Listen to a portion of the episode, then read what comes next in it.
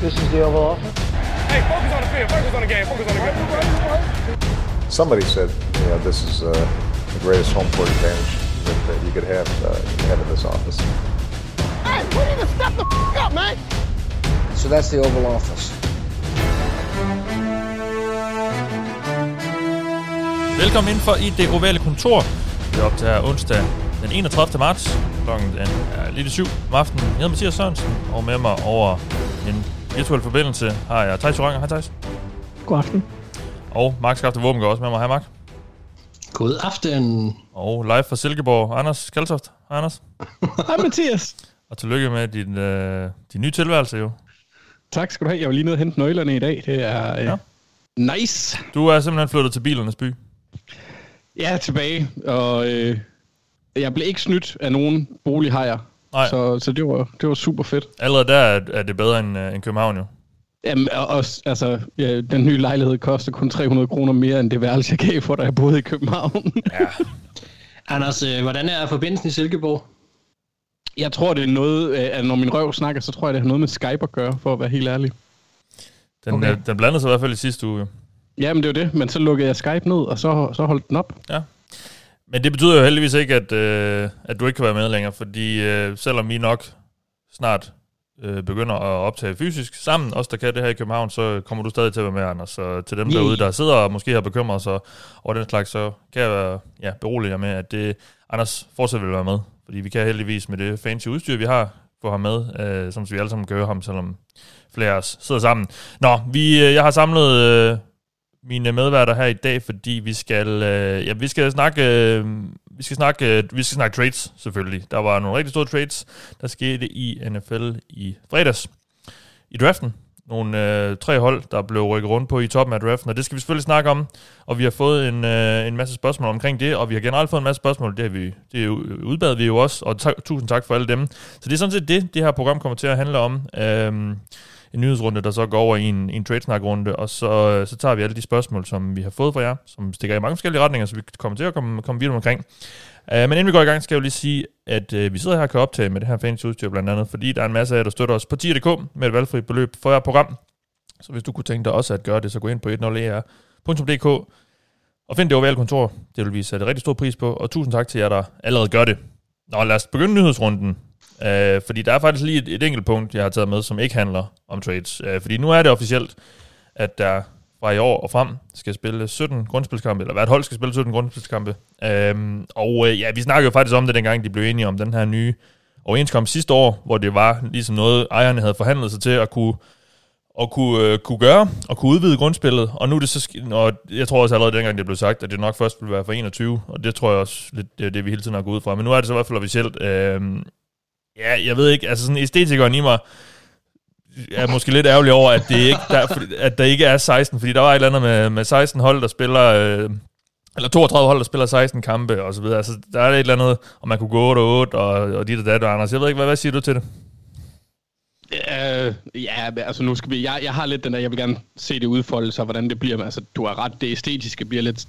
Det bliver lidt anderledes, så der, det bliver, altså, der er jo hold, der får en udebanekamp og mere og, og sådan noget. Det skal man jo også tage med i det. Mm. Øh, men det virker ikke, altså det jeg har set, det virker det ikke til, at spillerne er super glade for det. Og Nej, men det, de får jo så flere... Ja, det har jeg også set, men jeg tror også, det var Spillerforeningen, der var ude enten i går eller i dag og sige, der er altså også flere penge på vej af, af samme grund. Uh, Ja, men så også, jeg tror også, det var, øh, det var en af de punkter, eller, eller hvad hedder det, CBA'en, den, der var ret meget modstand mod den fra spillernes side. Ja. Det var en af de primære årsager, var de 17 kampe. Ja. Men altså, jeg er, da, jeg er da glad nok for det, så får, vi, øh, så får Rams lov til at få tæsk lidt mere ja, i år. og fremover er der ikke nogen gennemsnitlige hold. Man er enten lige under middel eller lige over middel fremover, fordi man kan ikke, uh, som sagt, gå, gå 8-8 længere. Uh, men, Så, så tror du, det er sket efter, at Jason Garrett han ikke er head coach længere? Ja, præcis. Det var det, de, de sad og kiggede på. Og så skrev han, og så tænkte jeg, det må vi gøre noget ved. Øh, nå, men som sagt, æstetikeren i mig synes måske ikke, er fedt, men fodboldfan synes jo, det er rigtig fedt, fordi det er 16 kampe mere, vi kan se. Øh, så det, det er der vel bare som fan, og ikke andet at sige til en, det, det er super fedt. Nej, det er jeg meget enig i. Ja. Men øh, vi må jo også, altså, tanken er jo, at der, der muligvis kunne komme flere skader og alt det der, men nu må vi jo lige se, hvordan det udfolder sig. Det har jo også engang været en 14-kamps-sæson, så altså, Ja. ja. ting udvikler sig. Ja, ja, præcis. Nå, øh, de har, er der flere, der vil byde ind på den med, med en eller anden vinkel, vi kan snakke om? Der bliver rystet på hovedet. Så går vi bare videre til snakken om de trades, der har været, og øh, lad os tage det i den rækkefølge, ligesom blev meldt ud i, og den rækkefølge, som holdene så også kommer til at drafte i nu, i hvert fald de tre hold, der var involveret, fordi San Francisco 49ers, de er gået fra at have valg nummer 12 til nu at have valg nummer 3, og det har de betalt en, øh, en rimelig høj pris for. De giver selvfølgelig Dolphins, som så fik 12. valget i første omgang. Øh, det, det gav de til, øh, til Dolphins, og så gav de også et, øh, et første rundevalg og et tredje rundevalg næste år, og et første rundevalg i 2023. Øh, Mark, det er mange penge. Eller ikke, det er det jo ikke. Det er meget øh, draftkapital.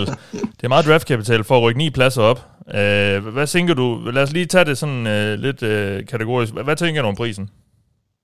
Øh, for 49ers. Ja, Jamen, øh, jeg synes, det er så et perfekt og dejligt move, de har lavet der. Ja. Øh, det koster, hvad det koster. Jeg vil lige sige, det er jo yderst sjældent, vi ser det her. Altså et hold, der er uden for top 10, der hopper op i top 3. Øh, samtidig så får vi jo så også en fornemmelse nu af her, hvad, hvad koster sådan noget, hvis man mm. går med sådan nogle tanker. Øh, hvis det overhovedet kan lade sig gøre også. Øh, og og det, er jo, det har jo en pris, kan man se. Men jeg, jeg synes, det var et, et, et perfekt og dejligt move, de lavede der. Fordi altså det her, og det kommer vi jo så nok også ind på, øh, må jo være med tanke på at få fat i en, en quarterback. ja. Det kan der Og øh, har man, ja, lige præcis. Og har man en, øh, en idé om, at øh, ens franchise quarterback, han ligger der og venter, så, så kan det næsten aldrig rigtig være for dyrt at lave sådan noget her. Øh, I hvert fald ikke se det, se det ud fra min synsvinkel, fordi det, det skal være på plads. Den kan selvfølgelig blive dyr i bagklogskabens klare lys om nogle år, men at turde gøre det her, som 49ers gør, og specielt et hold som 49ers, der efter min mening kan vinde deres ting ret hurtigt, hvis de får en bedre quarterback. Det skal sgu belønnes. Øh, og, jeg må også indrømme, at det vil jeg holde fast i også efterfølgende, selvom de nu rammer, eller selvom hvis de rammer forkert på deres quarterback, eller ikke, for det er jo alt de vil. Jeg synes, det her move, det, det siger noget om, om 49ers, deres ledelse, og, og hvordan de anser, øh, hvad kan man sige, moderne NFL, og, og, og de har fat i en lang ende. Jeg synes, det, jeg synes, det er virkelig fornemt, det de har lavet. Okay. Og det var så et svar på, på et spørgsmål, Thomas Jensen, Thomas Jensen har spurgt os om, det jo ikke var en dyr trade for 49ers. Der, det her har jo simpelthen udløst en lavine af spekulationer om, hvad og hvem har Carl Shanahan udset sig. Og det spørger Niklas Kvistgaard Poulsen os også om. Og øh, vi kan jo lige så godt sige det, som det er. Det aner vi intet om. Men lige siden det her det kom ud fredag aften, øh, har der været ufattelig meget snak om Mac Jones. Og det er jo ham her, Alabama quarterbacken, som nok efterhånden er kommet, øh, eller blevet bekendt for alle. Og det er jo... Øh, det er nok også først sket i den her weekend, fordi han har ikke sådan typisk været nævnt blandt de der top quarterbacks, der har været tilgængelige i den her draft. Thijs, jeg spurgte dig der fredag aften, hvem tror du, de går op efter? Det var inden det her Mac Jones-hype sådan for alvor begyndte at stikke helt af. Øh, eller, Mike, eller Mac Jones rygter om, men ikke, øh, om ikke andet. Der skrev du Trey Lance. Hvorfor gjorde du det? Øhm, jamen det gjorde jeg, fordi øh, der er noget i, i det fedt hos Kyle Shanahan, og nogle af de ting, som Kyle Shanahan har sagt, udtalt øh, om quarterbacks. Fordi nu ved jeg godt, der er en masse rygter om Mac Jones, men jeg tror faktisk ikke på det. Nej. Øhm, fordi jeg vælger, og det kan godt være, at det er et sted, men jeg vælger mere at tro på de ting, de tendenser, der har været i Kyle Shanahans udtalelser over det sidste år, måske i særdeleshed efter sæsonen, fordi han har åbent snakket omkring det her med at, at finde quarterbacks, der kan være lidt mere mobile, kan skabe noget på egen hånd, øh, og hvordan spillet er bevæget sig i den retning. Øh, og, og, og for mig at se, der, der er der så mange, altså der har i hvert fald været så mange tegn på, at han leder efter øh, noget mere end de her øh, lidt øh, stationære typer, han har haft meget af sin NFL-karriere. De, de steder, han har været, har været Washington med Kirk Cousins som quarterback, og så har han været i Atlanta med, med Matt Ryan som quarterback, og Matt Ryan er en god quarterback, men han er jo ikke nogen super mobil quarterback, og så Jimmy Garoppolo for nice. Altså, så, så på en eller anden måde, så tror jeg jo, at han leder efter noget lidt mere mobilt, og så var der Trey Lance som, som fedt, øh, fordi noget af det, som Trey Lance er rigtig dygtig til, det er faktisk hans hans mechanics og hans timing på mange af de kast. Han er ret pålidelig med, altså fordi det kan godt være, at, Shanahan han gerne vil have sådan en uh, lidt mere mobil quarterback, i hvert fald hvis jeg, uh, hvis jeg i mit hoved får ret. Uh, men, men han er jo stadig af den gamle West Coast skole, øh, det her system, hvor at, at meget af, af quarterback-positionen har været bygget op omkring en quarterback, der, kan, der har repeterbar øh, mechanics, øh, pålidelige mechanics, god timing på sin kast og god præcision. Altså han skal være den her robot, der kan, der kan tage det her dropback og levere en, en præcis, øh, et præcis kast øh, rimelig hurtigt og med god timing. Det er sådan meget West Coast filosofi en gammeldags. Ja. Og, og, og Trey Lance har faktisk rigtig gode øh, sådan short game mechanics, altså på de korte kast. Øh, og hans, hans timing på en eller anden måde virker han pålidelig. Plus han har stor erfaring i, i noget af det her øh, øh, play action, boot game og så videre, som Shanahan også godt kan lide. Sådan noget. Så det var sådan helt fordi Fields er måske lidt mere, og Zach Wilson for den sags skyld, de er måske lidt mere upålidelige nogle gange med deres timings. De kan, bedre, de kan begge øh, godt lide at holde bolden en lille smule mere, faktisk.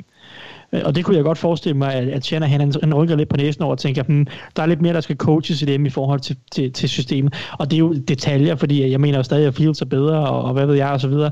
Øhm, og det kan da jo være, at han tager dem alligevel, fordi at, at, at der er så meget potentiale øh, i, i nogle af de andre ting, mm. så de så kan, som Lance måske ikke kan i samme grad, eller Mac Jones. Ja. Øhm, men altså, det var min første tanke, det var Lance. Ja. Ja. Og, og, og senere, altså, også bare øh, ud fra det faktum, at der har været stærke rygter om, at Atlanta Falcons har været rigtig varme på Trey Lance. De rygter har der egentlig været ret lang tid. Øhm, så det giver jo mening, at hvis man sidder og siger, jeg, jeg kan godt lide Trey Lance, så skal man op på Falcons. Mm. Så skal man op til tredje valget. Øh, og det, det er jo så bare en lille, øh, en lille brik i spillet. Men øhm, det kan da godt være, det bliver Mac Jones, og, og så... Øh, ja, jeg så, have så det. smelter du, for, så nedsmelter du. Spiller mærket, men, ja. øh, Ja, og, og som også du siger, jeg synes, det der med og de her Mac Jones rygter, jeg, jeg, øh, jeg synes nærmest, der, bliver, der er nærmest for meget snak om det på en eller anden måde. Altså, det, det, det, det er nærmest for meget, at altså, der er nærmest for mange, der ved, at Fort Niners vil, vil tage Mac Jones, og, eller tror, de, de, de vil tage Mac Jones. Øh, det, jeg synes, det lyder vildt, og der har været rigtig meget snak om, uh, ja, men Carl Shannon, han, han, han, han ville kun tage til en uh, pro day, og det var Mac Jones. Jamen, det vil han så ikke, fordi han, nu kommer han også til at, at se en anden workout med, øh, jeg kan ikke huske, om det var Fields eller Lance nu, faktisk lige. Fields. Fields. Ja, og så siger han også, øh, og det er, der, der har, og det, har, det er så også en del af det, hvor, hvorfor annoncerer den her trade nu? Jamen, det var, han har netop sagt, at han, vil ikke, han havde ikke taget til, øh, til en anden pro day. Var det Zach Wilson måske? Øh, det var Lance. Det var, han var ikke til Lance. Ja, fordi at han ikke, de ikke ville, ville ikke ville vise deres kort, de, de havde på hånden, fordi traden ikke var gået igennem endnu. Så de laver jo også den her trade nu, sådan så sådan så de kan tage til de her pro days og så videre, uden at skulle starte en mulig spekulation, altså for at få det ud af verden. Øh, det synes jeg i hvert fald har lagt det der snak om ned med, at det, alt det her med, at han kun tog til de og de pro days og så videre. Øh, ja. Må jeg, må jeg lige byde en gang også, fordi at, at, at det er selvfølgelig enormt farligt at sidde og sige nu, før draften har, har ligesom fundet sted. Men hvis man, hvis man følte, at man skulle helt op på tredje valget for at få Mac Jones nu, det synes jeg er højst overraskende, øh, hvis, det, hvis det skulle være rigtigt, at, at det var sådan. Og så samtidig også, vi er enige om, de gør det her for at få en opgradering for Jimmy Garoppolo. Altså, det, hvis, hvis de gør det her for at få endnu en game manager, øh, som i, i princippet højst sandsynligt ikke rykker forholdsvis særlig meget. Nu ved jeg ikke, hvad, hvad Mac Jones' loft er, det ved vi jo ikke endnu, men altså Jimmy G er jo ikke nogen dårlig øh, quarterback, hvis man bare vil have en game manager, så jeg Nej. kan ikke se, at man skulle sælge så meget for at rykke op for at få en spiller, som, som hvis loft måske nogenlunde er det samme, eller Nej. i hvert fald i samme type, det, det, det synes jeg ikke giver nogen mening. Altså, jeg, tror, jeg tror Justin Fields, jeg synes Justin Fields er et, er, er et virkelig godt bud her, øh, og det, det er rigtig nok, der måske i forhold til... Øh, der godt kan være lidt usikker, usikkerhed omkring noget, men jeg tror, at Carl Shanahan og 49ers vil have nogle af de her big play abilities. Jeg tror, de godt kan leve med, at der er lidt uh, uslebende kanter til at starte med, men de får et, et, et større vilddyr, de kan slippe løs på sigt, uh, ja. fordi det har han manglet eller det har han ikke haft. Uh, ah, på noget. Robert Griffin, vi skal lige, vi skal lige huske ham. Ja, okay. Ej, hans, hans rookie-sæson. Men man kan sige, Fields har jo så præstationen øh, som, altså på et niveau, som ingen andre quarterbacks i årets draft har, mm. i forhold til nogle af de sådan, egenskaber, jeg snakkede om før. Ja, kan Shanahan så lære ham det der med... Season Lance, for eksempel. Ja, og så kan Shanahan ja. lære ham det der med de progressions og sådan noget, og, og se ja. spillet lidt. Ja. ja, det, jeg, tror, jeg tror, de går efter potentialet her, og hvis de, hvis de har rykket op for at tage Mac Jones ja. øh, på tredje, så vil jeg blive fuldstændig overrasket over for det første år, de følte, de skulle derop, men også, at de ikke har større ambitioner, mm. det må jeg indrømme. Ja, det, er værd at tage med det her med Mac Jones, fordi der er efterhånden så mange med, med rigtig gode kilder i ligaen, som siger, at de, de, de synes, det lugter af Mac Jones. Men igen, det er lying season, vi er i nu, det er draft season. Altså holdene, der er ikke nogen af de her hold, der, der, der, der vil sige, hvad de gør åbenlyst. Jo, Urban Meyer, han har sagt, at de nok kigger på Tra- Trevor Lawrence. Ja, okay. Meget kontroversielt. Men ellers er der jo ikke noget, især fordi i de der hold, der ligger efter valg nummer et, fordi der er det hele... Øh, der er det hele jo et stort strategispil, og man vil ikke, øh, man vil ikke vise, at man er, man er vild med nogle spillere, fordi så kan der være, at der er nogle andre hold, der hopper op foran en. Så videre. Ja, Thijs? Jamen, jeg vil bare sige, altså jeg tror sådan set, det er legit nok, at, der er, at, de, at NFL er glade for Mac Jones. Det tror jeg er legit nok. Jeg tror, de, jeg tror, Fordi han er de safe, eller hvad? ham for Han er at være tæt på de fire andre. Ja. Mm. Øh, det tror jeg helt sikkert. Altså, jeg tror, medierne er, er klart mere øh, skeptiske omkring Mac Jones, end, end NFL er. Mm. Fordi jeg tror stadig, der er mange i NFL, der er glade for de her old school, øh, lidt, øh, altså dem her, hvor man siger, okay, han kaster rimelig præcist, og han, han ved, hvad han laver sådan ja. mentalt, og siger, øh, det, så, så, altså de, jeg tror egentlig, at, at der er mange fans og sådan mediefolk, der begynder at blive, altså der siger, at den nye æra er de mobile quarterbacks. Men jeg tror, der er mange NFL-trænere, som er lidt mere old school, og netop øh, holder fast i netop ofte det her West Coast, øh, som jeg snakker om, altså det her West Coast øh, system, og, og nogle af de egenskaber, som en quarterback skal have i det system, synes jeg har hængt fast meget længe som sådan prototypen på en quarterback. Den her stationære, præcise pocket passer, whatever. Øh, hvorimod, altså, tendensen de sidste år har jo været, at der er flere og flere typer af quarterbacks, der har succes. Mm. Øh, og, og, men jeg tror stadig, der er mange NFL-hold, som værdsætter den her type quarterback, som Mac Jones er. Så jeg tror egentlig, det er helt legit, at, at han, er, øh, han, han er varmt navn i NFL-kredse. Ja. Om det så er et top 3 varmt navn, det ved jeg så ikke. Men altså personligt, så er jeg jo sådan, øh, at jeg vil ikke tage ham i top 20. Og, og det Nej. kommer han til at gå. Det er der ikke nogen tvivl om. Ja, og det var så et uh, spørgsmål på Morten Sørensens, øh, som Morten Sørensen har stillet os. Og så skal vi lige stoppe med, hver gang og, og vi snakker om, der bliver snakket om, hvilken uh, type quarterback, der er Carl Shannons drøm, og så hive uh, Kirk Cousins op, bare fordi han var vild med ham for et par år siden, hvor han var på vej til at blive free agent. Det, jeg er simpelthen så træt af at høre om det der, og, og Shannon han selv skød det også ned for, forleden, da han blev spurgt et eller andet med, at han synes, at Kirk Cousins var, jeg tror han sagde et eller andet med, i den, noget i retning af, at Kirk- Cousins, Kirk Cousins var det god, han kunne godt lide den type quarterback, men at hans, øh, hans drømmekube jo ikke nødvendigvis var i den, øh, af den støbning, eller sådan et eller andet i den stil, tror jeg, han sagde. Og så sådan, okay, ja, så lad os lige stoppe med at hive den der frem hvert år, fordi han prøvede at jagte ham dengang. De så endte med at, at få Jimmy G. Øh, vi bliver lige ved 49ers-snakken, fordi Lasse Greinmann, han spørger, hvor sandsyn- usandsynligt det så end er, hvis vi nu forestiller sig, at 49ers ikke vælger en quarterback med pick nummer 3. Hvem kunne det så være, de ellers tager? Altså, er det, er det overhovedet værd at, at snakke om? Nej, nej. De tager en quarterback, ellers så giver det ikke nogen ikke den pris Nej. for ikke at tage en quarterback. Nej, det Men altså, tror jeg heller ikke. Det vil heller ikke give mening for dem at tage en tackle, så, du, så skulle du kigge på wide receiver eller tight end, og det vil ikke give mening for dem at have Carl Pitts og George Kittle. Det vil jo være helt, helt tosset. Øh, Jo, så det skulle være en af wide receiverne, hvis det var. Ja. Niklas Skisgaard, vi havde på før med et spørgsmål, han, han skrev jo også, om, om der kunne, man kunne forestille sig, at, deres, at med deres forbindelse til Jets, at de så ved, hvad New York har tænkt sig at gøre ved nummer to. Og hvilket også kan være en grund til, at de har valgt, ville trade sig derop. De, var, de havde angiveligt prøvet, eller Jets havde vist engang, ikke engang øh, taget telefonen, i hvert fald sådan i overført betydning. Dengang øh, Fort Niners, de, de ringede og forsøgte at trade sig op. Og det, det øh, signalerer jo også helt kraftigt, at Jets vil have sådan en quarterback. Og måske også, ja, det er jo efterhånden også nærmest lige så sikkert som ammen i kirken, at, øhm, at ligesom Jaguars tager øh, Lawrence, så tager Jets Zach Wilson, i hvert fald hvis man skal tro alle eksperter. Altså, der, der, er, der er noget i det også, når vi kommer til at snakke Eagles senere, som giver mening også i forhold til den øh, Ja. spot on, der påstand. du ryster på hovedet, Thijs. Tror du ikke på, på Wilson til Jets? Jamen, jeg, jeg synes, det er forkert at vælge ham second overall, men det kan vi Nå, tage, ja, ja, til en, men- der kan vi tage en draft pod- podcast. Men vi er enige om, det, det, det, alt, det 100 lugter meget. Det er det, der kommer til at ske, det tror jeg også. Jonas Mark, Men han- jeg tror- Ja, Anders. Jeg tror bare ikke, at jeg tror ikke 49ers som sådan ved, hvad, hvad Jets vil gøre. Jeg tror måske, Nej. at Kyle Shanahan har en idé om, hvad Robert Saleh han vil gøre, men jeg tror ikke, han har en fløjtende fis idé om, hvad Joe Douglas han tænker. Nej.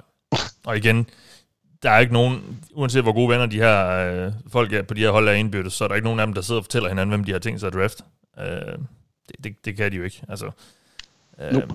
Så, nå, den her snak, øh, den her trade har jo også udløst en masse snak om, hvor skal Jimmy Garoppolo spille. Og øh, nogle 49ers øh, folk var igennem diverse insider hurtigt ud og sige, at Jimmy G, han, han bliver jo også i år.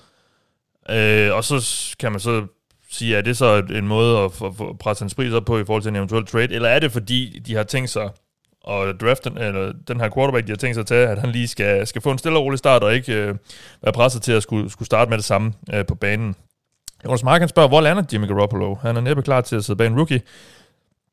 Skal han have et starterjob eller en backup-rolle, øh, Mark? Hvad tror du? Altså, jeg vil lige starte med at sige, at jeg læste lige et interview med Shanahan, som jo lige name-droppede uh, Alex Smith og Pat Mahomes, for eksempel. Ikke? Så, at, så de er i hvert fald ude at sælge lidt ideen om, at han skal ikke nogen steder i år. Ja. Uh, men, men alt har jo en pris, ikke? Uh, jamen altså, hvis han skal nogen steder hen, Jimmy G, så vil jeg jo uh, kigge til nogle af taberne ved de her trades, uh, der har været.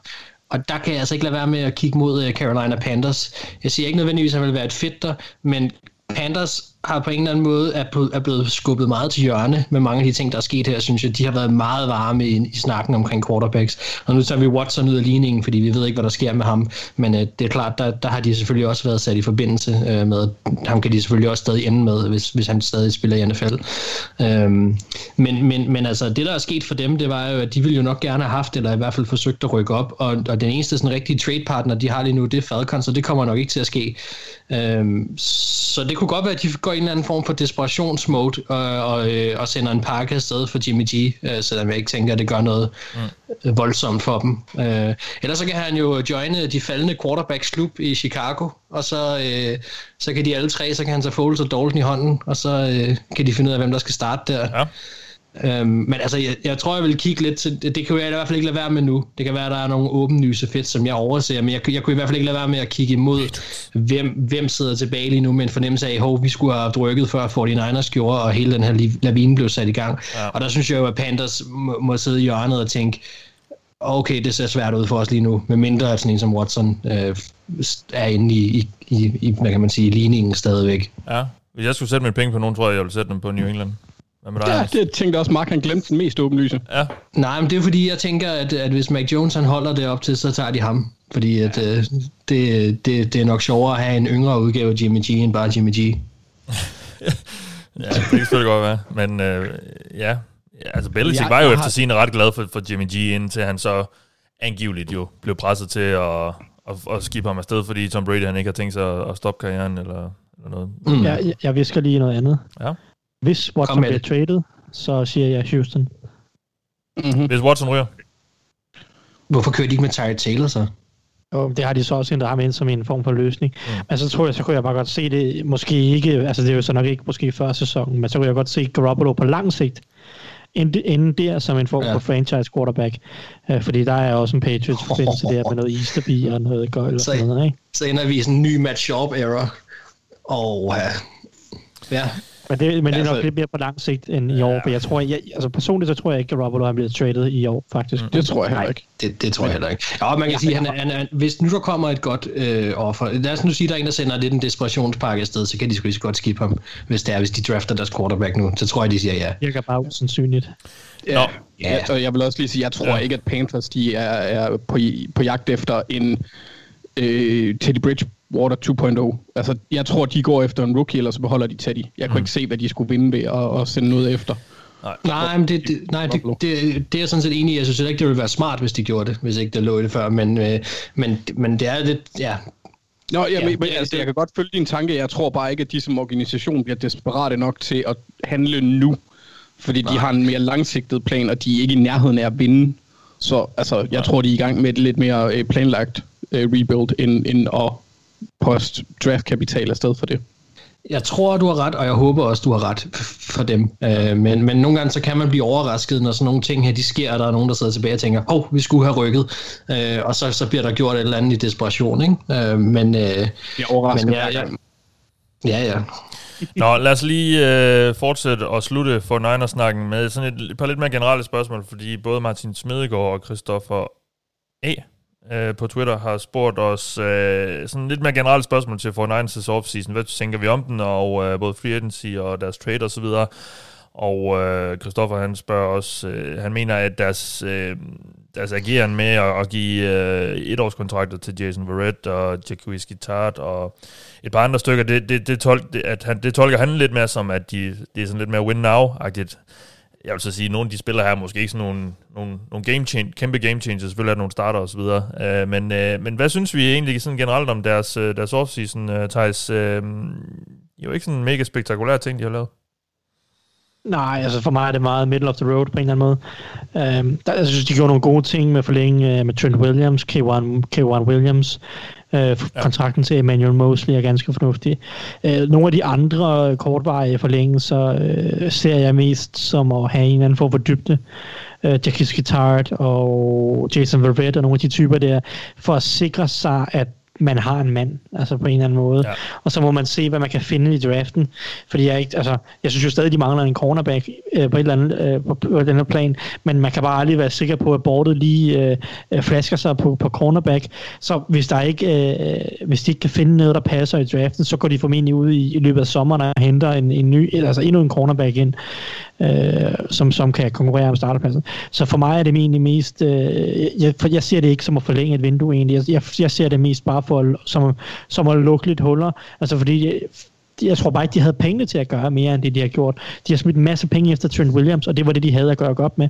Så resten af det er sådan lidt mindre kontrakter, øh, og så ellers bare at, at, at sådan lukke huller. Fordi det er jo det, er jo, det, er jo det som, altså, free agency er til at lukke huller draften er til at bygge øh, langsigtet. Ikke? Mm. Øh, så, så det er draften, du finder din hjørnesten, som du skal bygge efter.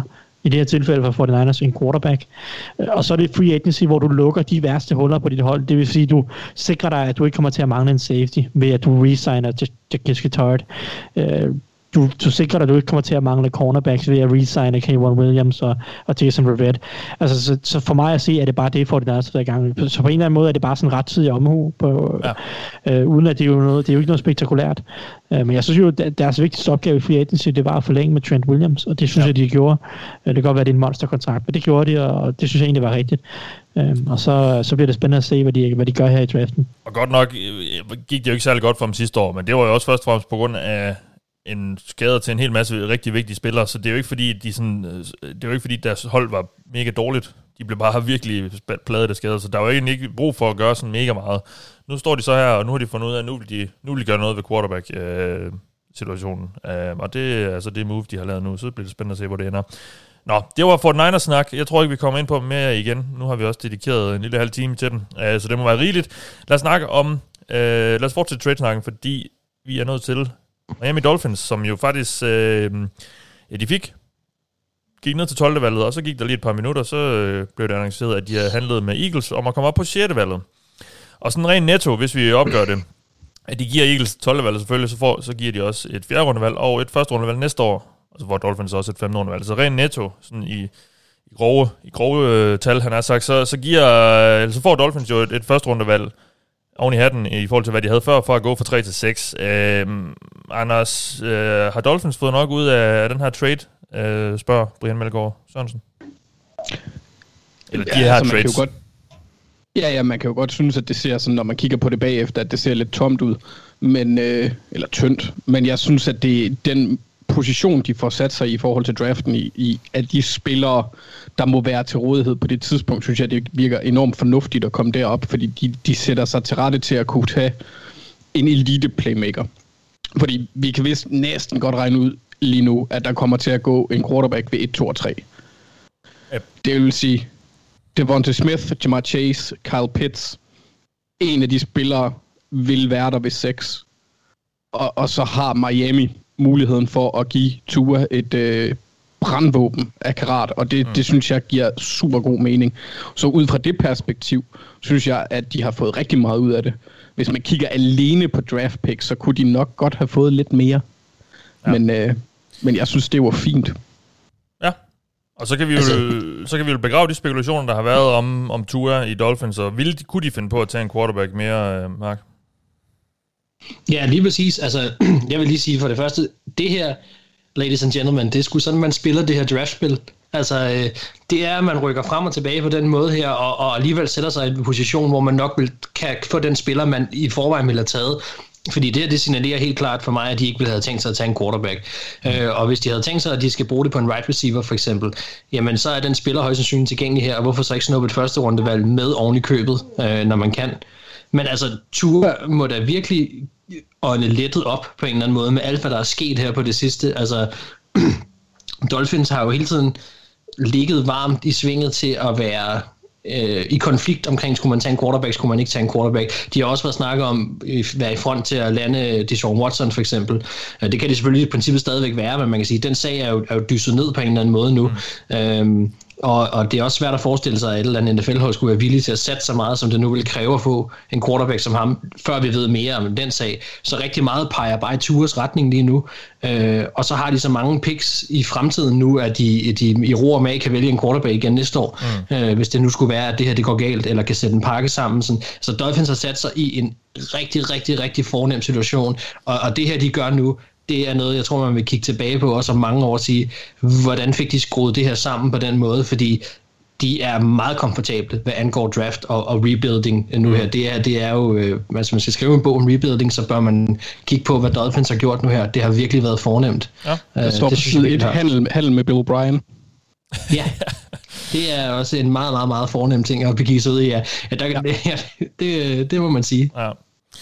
Der Jamen. kan vi snakke om deres, øh, deres tackle der, der snart har givet, hvad har han givet, 4-5 runde, første runde valg efterhånden. Ja. Øhm, ja, Tonsel, det, ja. det må være noget af den stil. Ja, det, øh, jeg synes også, det virker som godt arbejde. Nu skal de selvfølgelig få, de her, få noget ud af de her valg, fordi de kan jo ende med bare at, at tage nogle, øh, nogle skodspillere.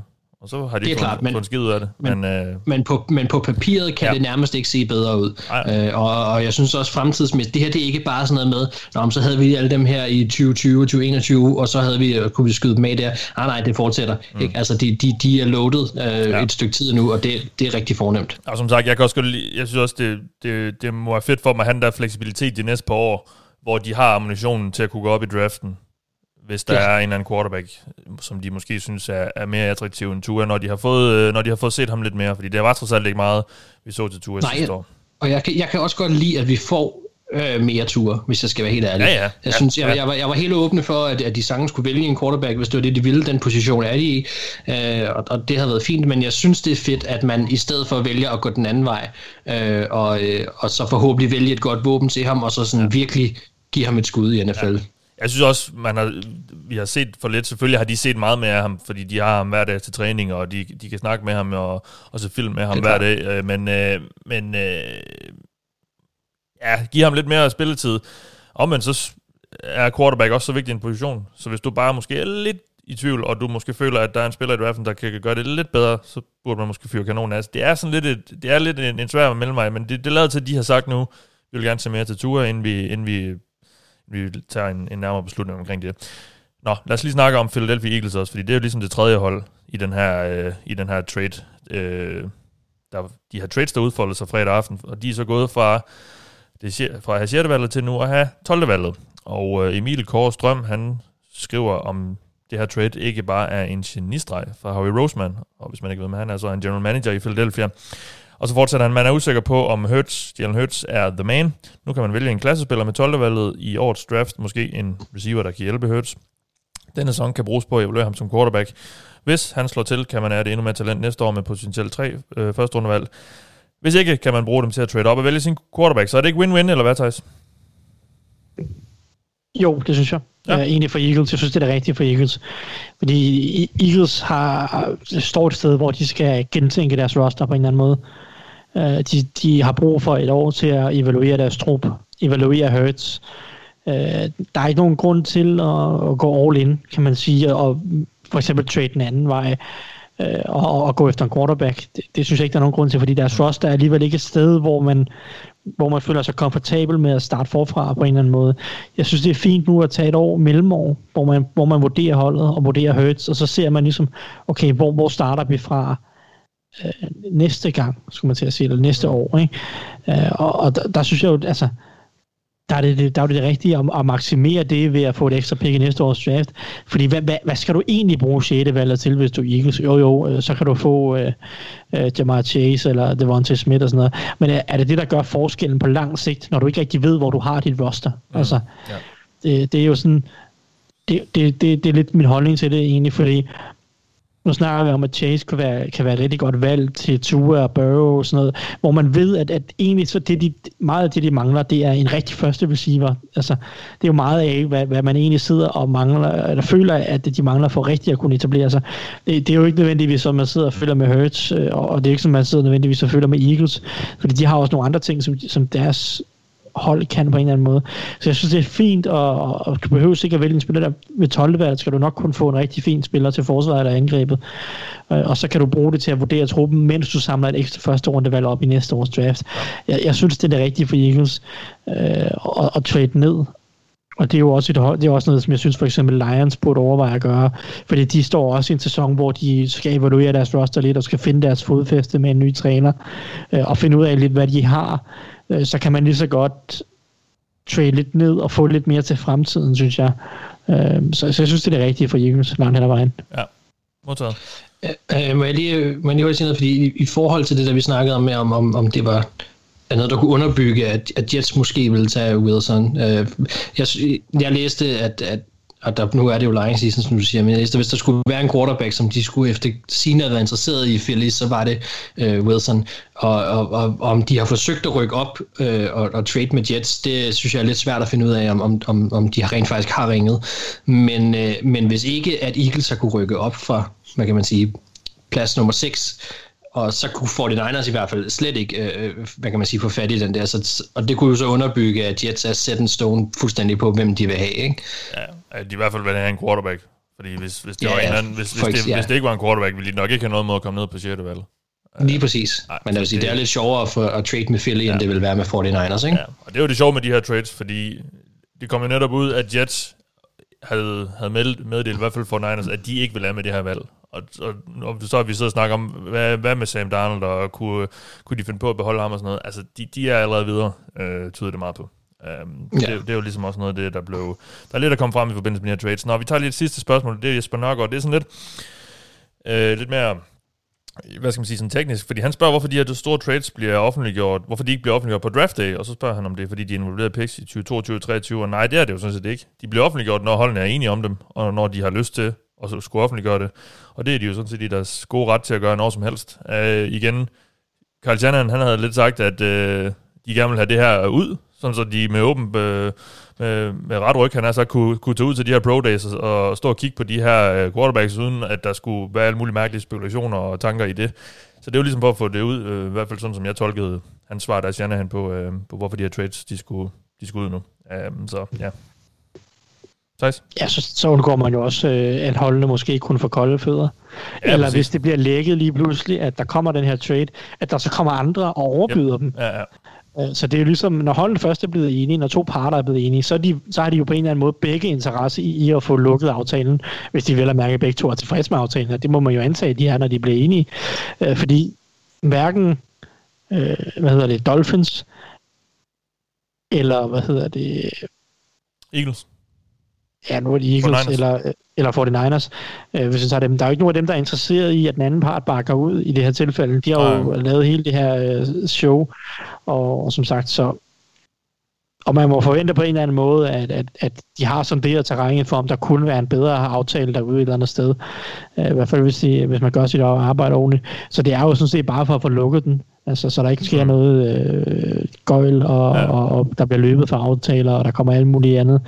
Øh, og som du siger, så kan de også spille med åbne kort i forhold til noget af deres draftarbejde. Og man kan sige, i det her sammen, den her sammenhæng, der gør de, for de Niners, det jo, de gør det jo også nu, fordi de ved godt, hvad der sker med et og to.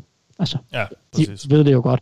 Man kan sige, hvis Falcons trader ned, hvilket der har været snak om i perioder, så har jeg jo hele tiden haft en holdning. Det kommer først til at ske, tror jeg, på draft day, eller meget tæt på, fordi det kræver, at, at du skal vide, hvad der sker i to og tre på en eller anden måde. Du skal vide, hvad der er tilgængeligt. Altså, hvis du nu trader op for en quarterback, så skal du vide, hvem den fjerde quarterback er. Øh, der kan man sige, der, der er ofte jo, jo længere ned i første runde du kommer, jo mere usikker bliver det, og jo mere vil man, jo senere vil man se de her trades. Det er jo typisk i toppen, at de her trades sker tidligt. Øh, man kan så tage Dolphins og Eagles, som lidt, lidt et unikt eksempel øh, på mange måder, og, og den kunne man jo også formentlig godt have ventet med til draft day. Så lad os gå til de her lytterspørgsmål, vi har fået, og dem har vi sådan set allerede taget en masse, øh, en masse af, og jeg har ikke engang taget dem alle sammen med, fordi der var mange angående de her trades, der, der lå lidt op af hinanden. Øh, så til dem af jer, der har stillet nogle spørgsmål omkring de emner, vi lige har snakket om, men som ikke, som jeg ikke har nævnt, tusind tak stadigvæk for dem. Øh, jeg tror altså, det bare øh, dem med, sådan som de kom ind, og der var som sagt flere, der lige, der lå meget op af hinanden. Men øh, vi har fået en masse andre gode spørgsmål, og som sagt, de stikker i meget forskellige retninger, men øh, det betyder også, at vi kommer til at snakke om en masse forskellige ting, så det er jo bare Fedt. Øh, lad os starte med øh, at faktisk blive lidt i draftsnakken, fordi, Øh, og blive lidt ved dig, Thijs, fordi Thomas Jensen, han spørger, hvilke andre hold, der kunne trade op og ned. Uh, har du et par forslag der? Ja, yeah, det er svært at forudsige, men, men man siger, man kan, det mest oplagte er jo, hvem der skal op og have den fjerde eller femte quarterback. Og der sidder man jo og kigger på hold som Patriots, der har været meget aggressive free agency. Man kunne også kigge lidt på, altså selvfølgelig Panthers, men, men spørgsmålet er, om de kan finde en trade partner. Uh, og ellers så kigger jeg lidt på Broncos. For Broncos har også lidt et frækt valg, hvis der, de ligger godt der i bunden af top 10, ligesom Panthers for øvrigt. Øh, men de kunne godt trade med Falcons, hvis det nu er, at Falcons gerne vil ned. Det, det virker ikke til, at de vil ned Falcons egentlig. Det virker som om, de meget gerne enten vil tage en quarterback, eller måske en, en, en vis tight end. Men, øh, men Broncos ligger også et spændende sted i forhold til, at der er ikke så forfærdeligt langt op i nærheden af de der quarterbacks, hvis man vil give Drew Lock den her konkurrence, som vi også snakkede lidt om den anden gang. Øh, så i forhold til, hvem der skal ned, altså man kan sige, Falcons er jo et, et bud der, hvis, hvis de vælger at gå den vej. Jeg tror ikke, at Bengals vil ned, jeg tror ikke, at Dolphins vil ned igen. Øh, så man kan sige, så er, det jo, så, skal, så er vi ved Lions, og det vil give mening, det var det, jeg snakkede om før. Jeg synes egentlig, de bør kigge på det. Øh, om, om, der, om de kunne måske hoppe lidt ned. Mm. Øh, det kunne være et sted, hvis man vil have fat i den femte quarterback. Altså for eksempel Mac Jones, eller Justin Fields, eller Trey Lance, hvem end der falder ned som den femte quarterback. Ja. Det kunne godt være et godt bud der omkring Lions til syvende valget, tror jeg. Mm. Øhm, så vil jeg ellers sige, uh, Vikings ved vi jo er rigtig glade for at trade ned, og de har ikke noget andet rundevalg i år. Så, så der i, i midten af første runde, de har 14. vandet. Kunne man godt se dem måske prøve at hoppe en, en 5-7 pladser ned. Uh, og det område er, er interessant i forhold til, tror jeg, er interessant i forhold til cornerbacks og, og måske edge. Altså det er nogle af de, de største forsvarstalenter, fordi øh, vi forventer, der kommer til at gå tre eller fire quarterbacks, øh, måske fem, altså, der kommer til at gå fem quarterbacks i top 10, lad os sige det. Så kommer der til at gå et par wide receivers og en tight end. Altså der kommer til at gå næsten ingen forsvarsspillere i top 10 mm. i årets draft, tror jeg. Øh, så hvis man der lige uden for top 10 har en, en forsvarsspiller, man er rigtig glad for, øh, fordi der er ikke så mange gode edges, og der er også øh, nogle huller på cornerback-gruppen hister her. Øh, hvis man vil op og have et af topnavnene, øh, hvis der er et hold, der ved det, så kunne Vikings godt være et spot ved 14. vandet. Tror du på det, Mark? Ja. Øh, det er klart en mulighed. Det er, jo, det er jo noget, der ligger i deres tendens. Øh, men mindre Vikings øh, selv vil have et top forsvarsspiller. Ja, altså jeg tror jo, det går guard-vejen, men, øh, men lad os nu se, hvad der sker. Det er højt at tage en guard. Det er det. Ja, men, så kunne øh, man jo lige trade en 6-7 pladser ned, og så er det måske ikke så højt længere. Nej, det er jo det. Det, det er jo det. Jamen, altså, det, det er meget i Spielmans ånd at gøre det, øh, og specielt også som Vikings, på, eller ikke som Vikings, som Thijs pointerer, at Vikings har ikke noget andet rundevalg. Øhm, og, øh, og, og de vil gerne samle de her draft picks ind og, og, og netop øh, forsøge at hvad kan man sige, få så mange muligheder som muligt. Så, så det, jo, selvfølgelig er de nogen, man vil skulle holde øje med her. Øh, det er ikke noget dårligt bud. I den forbindelse der kan man også sige, at øh, at, hvad hedder det, at, at Broncos, hvis de ikke hopper op, så kunne de også være godt bud på noget, der hopper ned. Ja. Uh, der er jo selvfølgelig en Vikings-disciple der, som ny general manager hos Broncos. Og, og Cowboys har det jo også med at lægge, hvem de rigtig godt kan lide på 10. valget. Ja. Uh, det, det, er, det er ikke så tæt, uh, hvad der foregår i den der Cowboys-bygning, har man nogle gange fornemmelsen af. Jerry Jones, uh, han kan ikke holde kæft. Ja, præcis. Øh, og, og så, så nogle gange, så hvis de er rigtig glade for, for Patrick Sertain for eksempel, øh, så er Nina jo der, man skal op måske for at have ham, hvis han ikke, hvis han ikke er væk før, fordi der er selvfølgelig ja, andre ja. hold, der godt kunne tage ham. Øh, men jeg kan godt få, altså det der med at jumpe Cowboys, jeg, jeg synes, det sker rimelig ofte. Øh, måske fordi de er så åbenlyse omkring, hvem de gerne vil vælge. Ja. Nå, det var på bud på det, uh, Thomas. Tak for dit spørgsmål. Vi går videre til, uh, det er faktisk også lidt, lidt trade-snak, Det er egentlig også bevidst, jeg har lagt det med fordi det ligesom lå lidt i forlængelse af, af uh, trade-snakken, vi har lige har haft. Uh, Stefan Wittfeldt Rasmussen skriver, hvis Jets ikke vil drafte en quarterback, giver det så ikke mening at bytte med Falcons? Og hvis de vil drafte en quarterback, altså Jets, hvorfor har de så ikke traded Donald? En uh, spiller, der blev valgt nummer to overall, må vel forvente sig at kunne starte fra dag et, skriver han så. Det er jo ikke nødvendigvis givet. Det kan jo være, at man, man tager en, der lige skal have lidt, lidt tid, Anders. Men, men, øh, men Jets, øh, giver det ikke mening at bytte med Falcons, hvis de ikke vil, vil drafte en, en quarterback? Jo, det gør det vel, men det tror vi så også, de vil. Jo, jo, altså det giver, det giver super mening, øh, hvis de ikke vil have en quarterback. Og det kan også blive aktuelt, hvis Falcons gerne vil, og Jets ikke vil. Det tror jeg så ikke kommer til at ske. Øh, og hvorfor er de altså, så ikke øh, kommet af med Donald endnu? Jeg tror, at, og det har egentlig også øh, overrasket mig, altså jeg, jeg tror simpelthen, markedet ikke har været højt nok i forhold til det, de har, har forventet. Ja, det er vel, og det er elendig. ja, lige præcis. Der, der, der kommer også, altså, vi hørte jo først, at øh, narrativet omkring Donald, så var det øh, et første rundevalg, de, de vil have. Så var det et andet rundevalg, hvilket det vist er nu. Men jeg vil blive overrasket, hvis de får mere end et tredje, fjerde rundevalg for ham, når han, hvis han bliver sendt afsted. Fordi jeg synes lidt, at QB-kabalen den er ved at være gået op, og, og jeg kan nærmest kun se et hold tage en flyer på ham, måske to. Øh, og det er Broncos og, og så måske Patriots, hvis han bliver sindssygt billig. Øhm, men, men altså, ellers så tror jeg simpelthen bare ikke, at markedet er, er, er stort nok. Øhm, altså, meget kan selvfølgelig nu ændre sig inden sæsonen, men jeg tror simpelthen ikke, at prisen er det værd for dem lige nu. Man skal godt nok også øh, tro på sine evner til at udvikle quarterbacks. Hvis man kigger på ham og tænker, at ham kan vi godt få til, gøre, gøre til en spiller, som vi kan vinde rigtig mange kampe med. Åh, oh, ja, det er rigtigt. Jeg, jeg glemte selvfølgelig en. Øh, øh, John Gruden, han kunne godt finde på det. Ja, han kunne finde på alt. Lige præcis. Men ja, det lugter jo langt væk af, som også vi lige har snakket om det her med, Jets vil have sig en quarterback, fordi de øh, ikke tror på Sam Darnold. Øhm, mm. Så, så det er derfor, de, øh, de ikke vil ud af det der andet spot, sådan så de kan tage den, de vil have, der ikke hedder Trevor Lawrence. Øhm, og det giver god, god mening. Ja, yeah, og så altså, hvis det var sådan, at de skulle handle det valg, så skal det blive en monsterhandel. Ja. Øhm, og så kan jeg egentlig godt se ideen, afhængig af hvor glade de er for øh, quarterbacksene efter Trevor Lawrence. Ja. Jeg hørte en amerikansk podcast tidligere i dag fra The Ringer, hvor de refererede til en eller anden, der har snakket med nogen, nu bliver det lidt ude i nogle led, men der var en eller anden, han har snakket med en masse kilder rundt omkring i ligaen, for at høre, hvad, hvad vil de give for en, for, en, for en som Sand Arnold, og der var vist ikke nogen, der havde sagt over et tredje rundevalg. Og der var også nogen, der mente, at han kun var et fjerde rundevalg værd, eller sådan noget. Um, Ja, jeg, jeg tror heller ikke, der er ret meget andet end et, et skud i posen. Altså, det, det er sådan... Efter den der tese, du misser alle skud, du ikke tager. Altså, jeg tror ikke, der er nogen, der vil betale for det. Citat Wayne Gretzky, citat Michael Scott. Ja.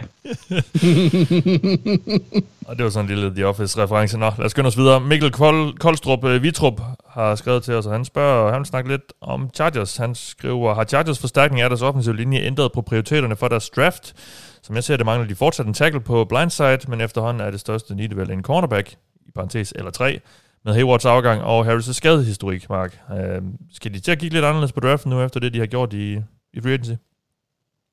Mm, altså, det håber jeg ikke. Øh, det siger jeg selvfølgelig uden at vide, hvad de egentlig havde i tankerne. Ja. Men øh, man må formode, at en offensiv tackle lå højt på listen. Øh, specielt fordi de allerede har vist velviljen her i free agency til at beskytte Herbert og prioritere det over andre øh, positioner. Og det er også det rigtige valg. Og for mit vedkommende synes jeg, at de skal fortsætte den dur. Fordi ja, øh, som øh, Mikkel har nævnt, de mangler en tackle. Ja, Og ja, de mangler også en cornerback, de mangler også et pass rush modsat øh, uh, Bosa, i virkeligheden så mangler de også flere våben til angrebet, specielt med Hunter Henry væk. Men så, så lige, inden man helt mister vejret i alle de mangler, der nu måtte være, så skal man lige huske på, at nu har de altså landet den quarterback, de skal have i mange år, og han skal beskyttes. Uh, og kigger vi på situationen lige nu, altså, så er den, uh, den hvad hedder det, uh, den starter, de kører med lige nu, Sam Tevi, han er i Coles, og det efterlader dem Trey Pipkins. Altså, han spiller de to i tredje, fjerde runde. Jeg kan ikke huske det, fjerde runde, tror jeg, i 19. Som er dårligt. Øh, og, og, ja, og hvad der må beskrives som en backup tackle. Altså ikke en starter, som Herbert skal have på sin venstre side. Øh, så jo, jeg synes, at en, en, en left tackle er deres største need, og derefter kommer der så en, en cornerback need, pass og så en, en, en wide receiver mere.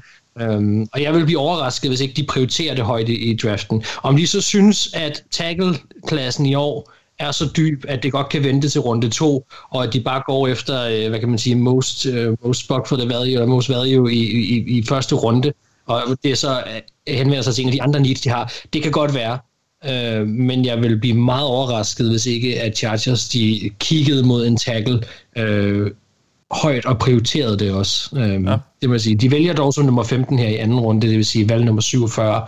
Øh, så det kan godt være, at de mener, at det kan vente til, til der.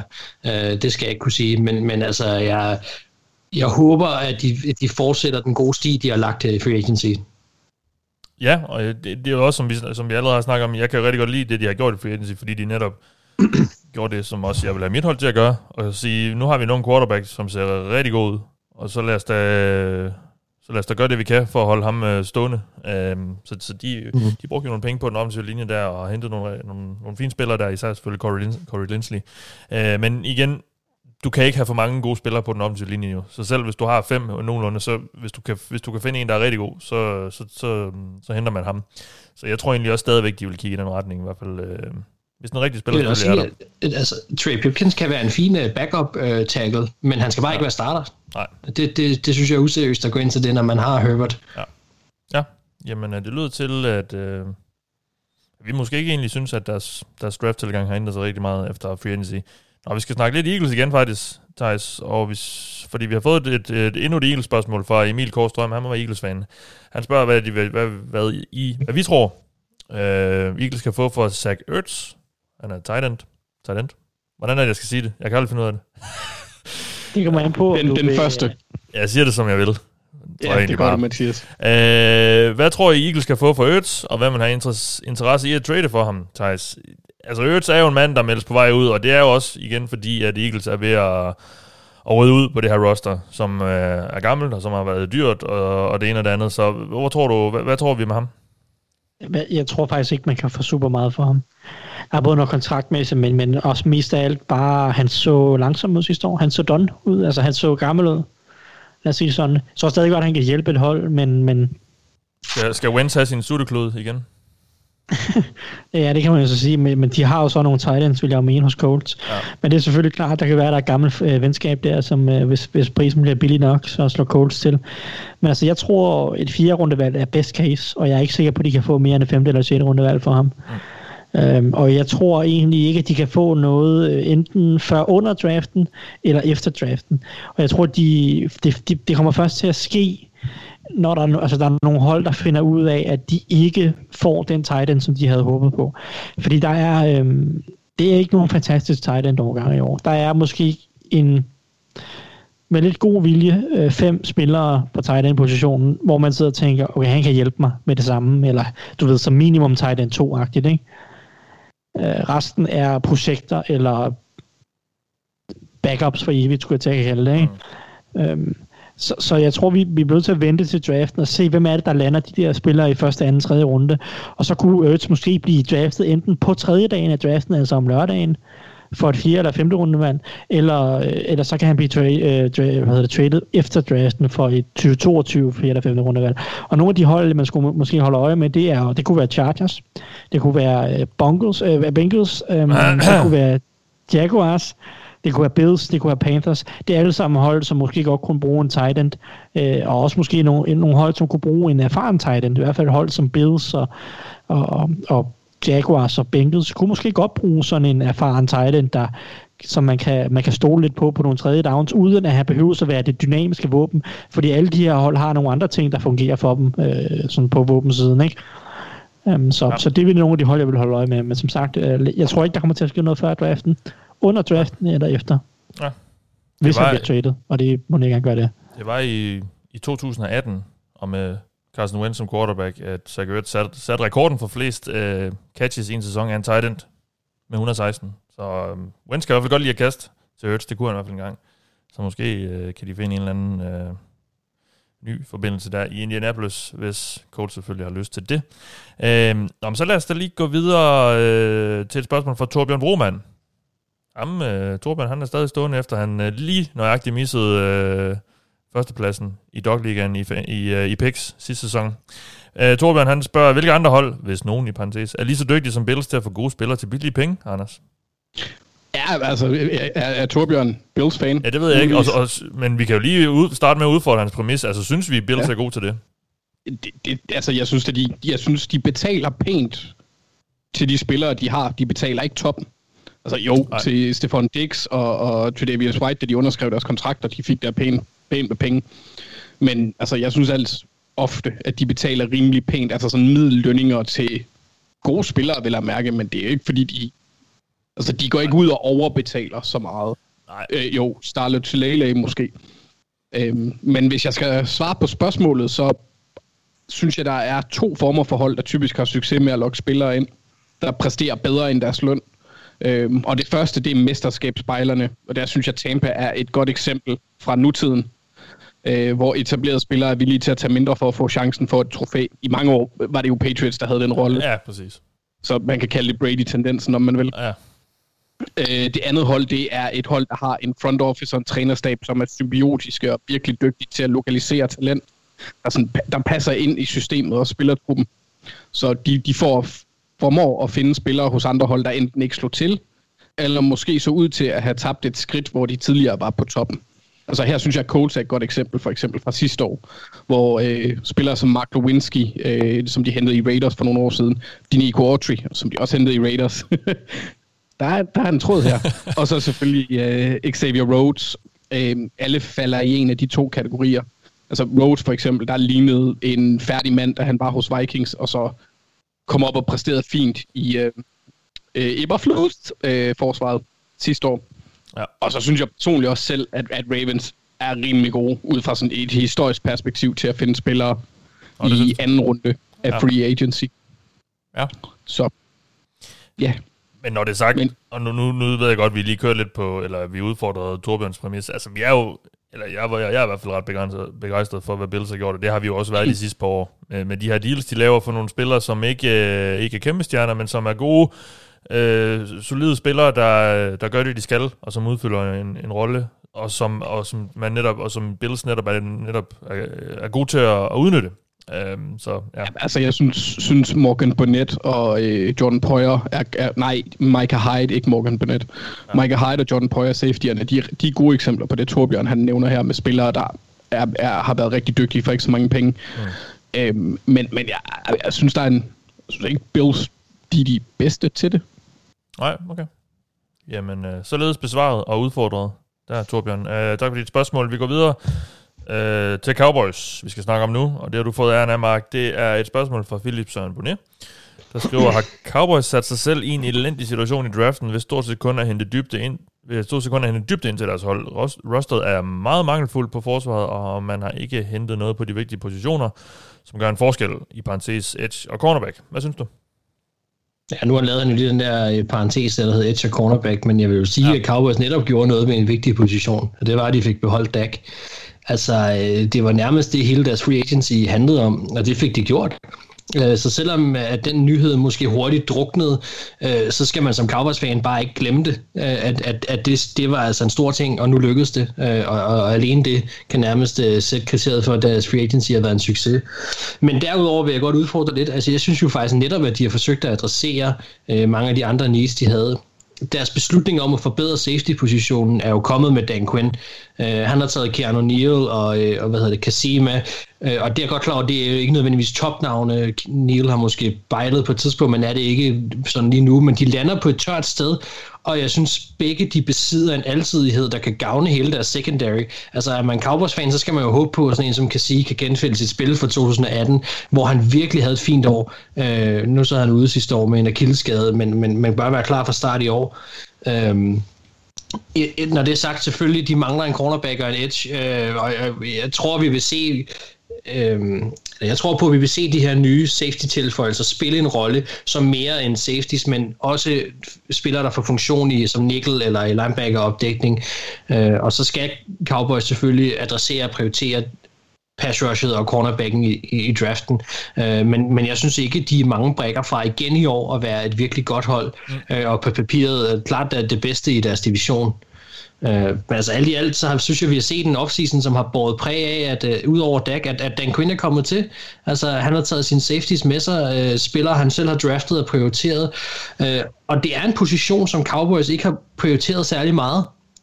Øh, og derudover så vil jeg da forvente med det, at de her Quinn-tendenser også fortsætter, eller Quinn-tendenser fra tidligere også fortsætter i, i, hvad hedder det, i draften, hvor han har historie for at vælge øh, pass rush tidligt. Altså kigge lidt, lidt igennem, og af, af, hvad hedder det, alle de valg, han foretog i Falcons, øh, og de to defensive spillere i top 50, så var det enten edge eller defensive back, og, og det er det, at Cowboys store needs er. Så må han så slås med den offensive minded head coach Mike McCarthy om, øh, fordi han vil nok slå slag for, at den offensive linje også er værd at investere i nu. Øh, specielt tackle, hvis Larry Collins ikke kommer sig over sin skade, eller ikke kan holde sig skadesfri, så må de to trække tog om, hvad, hvad der skal prioriteres først af de ting. Mm. Øh, men altså, jeg, jeg, vil, jeg synes ikke, at de, de er i nogen, øh, hvad kan man sige, voldsomt slem situation. Jeg synes sådan at de er rimelig godt udstyret til at, at gå ind til draften også og, og finde noget talent. Men ja, de har der mangler. Selvfølgelig har det det, men, men jeg tænker, at, at de er ikke langt fra at kunne adressere de mangler. Hvor tror vi, de, de går hen med det der tiende valg, som de jo har? Uh, nu har jeg en, en, men nu har jeg godt nok en lidt begrænset viden til årets draftklasse, men jeg er ret sikker på, at der nok ikke er en, en edge rusher, i hvert fald der, der er værd at tage. Så det kunne jo lukke lidt af noget, noget cornerback det er, jeg synes, det er spændende. Øh, men Cowboys er altid spændende, fordi de er det her big name øh, frem, frem for alt. Altså, de tager de her spillere, som, som virkelig skiller sig ud på navnet alene. Øh, og det, det kan jeg næsten ikke forestille mig andet, end at øh, på en eller anden måde kommer til at spille en rolle også. Jeg har ikke lige navn på en cornerback. Øh, jeg ved heller, jeg, jeg, jeg tror godt, de kunne finde på at, at tage en edge for højt, øh, hvis de virkelig mener, at, at han er der. Øh, Ja, det, er det, er nok, det, det, er nok, det er nok næppe angrebet. Thijs, du sidder øh, med, med et lumt smil på, hvad vil du sige? Kom, kom med den, Thijs. Jeg, øh, jeg tror, de går linebacker. Parsons. Okay. Hvorfor skulle de gøre Ej, jeg det? Jeg ved ikke, om de går linebacker Jeg tror, de kommer til at tage en linebacker med et af deres to første valg. Um, og det er jo nok, hvis det skal være ved 10. valget, så er det nok Parsons. Men uh, hvad, nu hvad har vi jo har lige set en, der har bragt Jamin Davis i spil. Hvorfor tror du det? Hvad får du til at Hvorfor de går linebacker? Øh, fordi de virker pjattet med linebacker, og jeg tror, Leighton Vander Esch, øh, jeg tror, hans skadeshistorik skræmmer dem helt vildt. Øh, de skal beslutte sig for, om de vil tage hans 50-year option. Det regner jeg ikke med, de gør på grund af skadeshistorikken. Så han er free agent efter sæsonen. Så jeg tror, at de vil have en marker til Jalen Smith, som de også øh, er usikre på, tror jeg. Ja, ja. Ja, okay. det er de, men, men, men det er... Okay, jeg vil, sige, det, jeg vil sige, det er godt set, hvis de ender den vej igennem. Jeg kan godt se noget logik i det også, men, men deres åbenlyse... jeg synes ikke, der er noget logik i det, Mark. Du skal oh. ikke... Nå, nej, nej, jeg, jeg, jeg, jeg, det forstår jeg godt, men jeg kan godt se, jeg kan godt se hvordan du, du finder frem til det. Det ja. synes jeg sådan set, det er okay set. Men, men, men, men det var mere i forhold til... Det, det, lige nu på, i den her sæson, klart de har en skadeshistorik, og Smith har ikke præsteret så godt, som han skulle, men det der er trods alt et sted i forsvaret, hvor man kunne sige, der er de sådan nogenlunde sæt, hvorimod at, at, at cornerback og edge selvfølgelig har de Lawrence, men på den anden side, altså der, det, det er da åbenlyst, at de mangler øh, spillere der, og kvalitet der. Altså, der er lidt logik i det, fordi Cowboys, de har, altså logikken i det for dem er, at de har det med at få Philip til at græde, og det tror jeg, han vil gøre i en situation, hvor de to Parsons. Ja. Men altså, de har bare vist rigtig meget interesse for linebacker, og det er det, jeg kan konstatere i de her, når man, når man kigger på Pro Days, og ja, ja. Øh, de rygter, der er omkring nogle af de nogle spillere og så videre, så øh, ja, du må se. Interessant. Det, det vil heller ikke være mit valg. Det vil nok heller ikke være et top 3 af prioriteter for, for Cowboys, men jeg tror ikke, man skal blive chokeret, hvis de går linebacker med et af de to første valg. Man skal, man skal aldrig blive chokeret, og det bliver man alligevel, når det er Cowboys bliver nok alligevel noget forsvar, sådan som det så ud sidste år. Og jeg ved også godt, der var også noget, noget skader og sådan noget, og, jeg ved, og, og det er også usandsynligt, at det kan være lige så ringe i år på en eller anden måde, fordi forsvaret har mere at variere lidt mere, typisk i kvalitet også, både op og ned. Øh, men det, det, der mangler trods alt lidt, og ja, så må det ikke de... Men, men helt seriøst, altså offensiv linje er også en ting, de skal begynde at kigge på. Det er en ting, de har kunne hvile på i rigtig mange år nu, fordi de har ja. været så gode, som de har været. Men, men det er altså en ting, som, som, som begynder at være presserende for dem også. Øh, Men jeg, jeg tror, der skal sådan et eller andet Penesul øh, fald øh, ned til, før, før de, før de ja. gør det i, der i toppen af første runde. Øh, det er mit bud. Også med, med, det, med den dybde, som jeg trods alt øh, har en fornemmelse af, der er på den offensive linje, eller har fået fortalt. Så skal, vi lige have, så skal vi lige have Vikings op over Cowboys, hvis det sker, Mathias. Men ellers så er det rigtigt. Ja, okay. øh, nå, vi skal til Detroit, fordi Emil Holm, han har spurgt os efter tilgangen af Goff Brockers med flere, samt omstrukturering af en række kontrakter. Hvad tænker I så om Brad Holmes og K's start i Detroit? Og Brad Holmes, han er jo general manager, hvis man ikke lige er med på den. Uh, Thijs, hvad synes du om det indtil videre? De, det er jo, det, det, det, det har vi også snakket om allerede, det, det ser jo meget ud som om, at det er et rebuild, vi har gang i her. Ja, og det synes jeg egentlig også, de har ageret på den måde langt hen ad vejen. At man kan sige, at de har committed til Jared Goff i to år.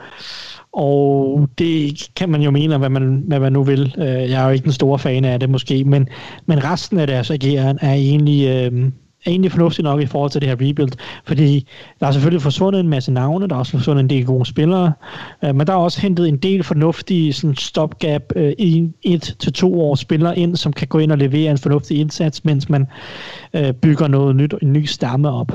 fordi du kommer ikke til at bygge en ny stamme op igennem free agency, altså som, som Lions er nu. Det er ikke free agency, de skal ud og hente alle mulige spillere, som de, de skal bygge deres hold op omkring.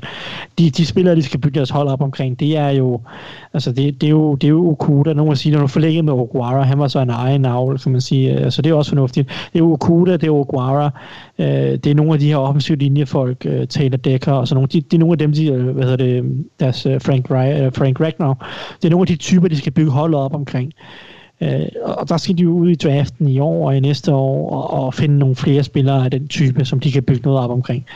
Resten er jo bare øh, fyld på en eller anden måde, imens man, altså man skal jo kunne stille hold for saten, så det er jo klart, at når de mister hele deres receiving-gruppe med Marvin Jones og Kenny Golladay og, og company, så skal der jo nogle nye ind, og det er så Brashard Perryman og øh, Tyrell Williams, så det er jo selvfølgelig ikke nogen world beaters, men det der, det der hold, man kan stille på et NFL-angreb og sige, okay, de griber da i hvert fald bolden det meste af tiden. Øhm, så altså, det, det, for mig at sige, der, der er det hverken, det, det gør hverken det store til eller fra øh, for, for, for Lions. Og det, har, det var heller ikke meningen, det skulle det. Mm. Så jeg synes, overordnet set, der har de gjort det rigtige for den situation, holdet står i. Øh, de har hentet nogle spillere, som, som gør, at de kan stille et hold næste år, som ikke er formentlig alt for dårligt. Øh, det er nok stadig et, et bund 10 roster i NFL, og måske endda også værre. Øh, men, men nu kan de give Dan Campbell og company i trænerstaben lov til at arbejde med nogle folk og vurdere truppen, og så øh, langsomt så bygger de formentlig noget op over øh, to til tre år. Øhm, og der har de jo så en, en, som jeg siger, en anden form for kerne med nogle unge spillere nu, og så en, en kerne, de skal finde i draften. Øh, og det er så også derfor, jeg snakker, og det kunne give mening for dem at trade lige en, en håndfuld pladser ned. Ja for at få lidt flere picks, for at finde lidt flere af de her unge typer, som de kan bygge op omkring. Mm. Så øh, ikke noget sindsoprivende free agency, men det var heller ikke meningen, det skulle være det. Så de har gjort et solidt stykke arbejde, bortset fra, at man kom et og to år til Goff. Det ved jeg ikke, om jeg havde gjort.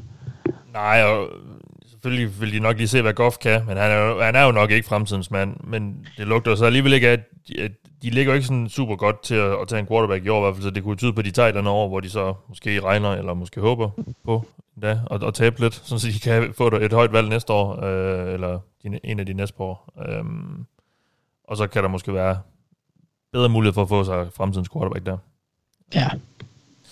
Nå, jamen øh, så lad os op til New York, fordi vi har fået et par spørgsmål angående Giants. Øhm, Emil Andersen, han skriver, at vi, han vil gerne vil høre vores take på, hvad Giants gør i draften. Der er pt. meget snak om edge, men der er stadig spørgsmålstegn på den offensive linje, hvor man mangler en reel erstatning til Kevin Seidler og Will Hernandez, der havde et mindre godt 2020, som også vækker lidt bekymring. Og så har vi faktisk også Andreas Noga, der spørger, hvad synes vi om Giants free agency-strategi i forhold til draften. Så det ligger jo lidt i den rille der, Anders, øh, så du kan jo få mm-hmm. lov til øh, at, at tage det lidt fra den vinkel, du nu har lyst til. Ja, jeg synes, det er lidt, det er lidt sjovt, at jeg, jeg får ret tit spørgsmål om Giants, men af en eller anden underlig grund, så er for Gettleman, han er meget tydelig, hvad han gør. Og for alle andre end mig, for mig er han et mysterium. ja, en enigma. Fordi, Ja, præcis. Jeg, øh, altså, jeg har altid en eller anden tro på, at han gør det, jeg synes er fornuftigt. Men han ender med at tage en stor tyk mand i stedet for. Øh, øh han, han plejer han tog at gøre det modsatte. Det gjorde han. Det er rigtigt. Men det, det er også den eneste gang, hvor jeg synes, han, han har været fornuftig. Ja. Øh, men jeg synes også, det er ret svært at spå om, hvad der vil være ved valg nummer 11, fordi det kommer an på, hvilken retning draften den tager sig efter valg 6. Øhm, så, og, og jeg synes, det er svært at finde ud af, hvad, hvad Giants de har tænkt sig at gøre, men jeg synes egentlig, at deres agerende i free agency gør, at de kan gå i rigtig mange retninger. Øh, man kan selvfølgelig være uenig i nogle af de valg, de har taget, for eksempel øh, kontrakten til Dory Jackson, men det var en position, hvor de manglede en spiller. Øh, så jeg synes ikke, at de for eksempel er tvunget til at tage en cornerback. Og så synes jeg måske lidt, at Kevin, øh, hvad hedder det, Golladay, Kenny, var lidt af en luksus-signing. Det var ikke der, jeg synes, de manglede mest. Øhm, men jeg, altså, det er klart, at Edge bør have et stort fokus, for de har manglet noget der i overvis efterhånden, og det vil klæde øh, Patrick Grahams forsvar at få en potent yderside rusher. Øhm, og så kunne jeg også godt forestille mig nu, hvor han nævner Will Hernandez og Kevin Seidler, woohoo, at øh, Rashawn Slater, eller måske Alija Vera Tucker, hvis de er der, jeg går ud fra sidstnævnt er der, sagtens kunne se tage en af de to. Øh, men jeg tror også, at de kunne blive lidt smålyderlige efter en Miami rusher. Øh, ja. Ja, øh, de havde, de, der var, jeg tror det var, var det i går eller i forgårs, der, for nogle dage, inden for nogle dage har der været pro day, og de er edderspark med nogle atletiske baser, de to. øh, hvad hedder Jalen Phillips og Gregory Rousseau. Og Gettleman, han var jo hos Giants, da de tog JPP i 2010.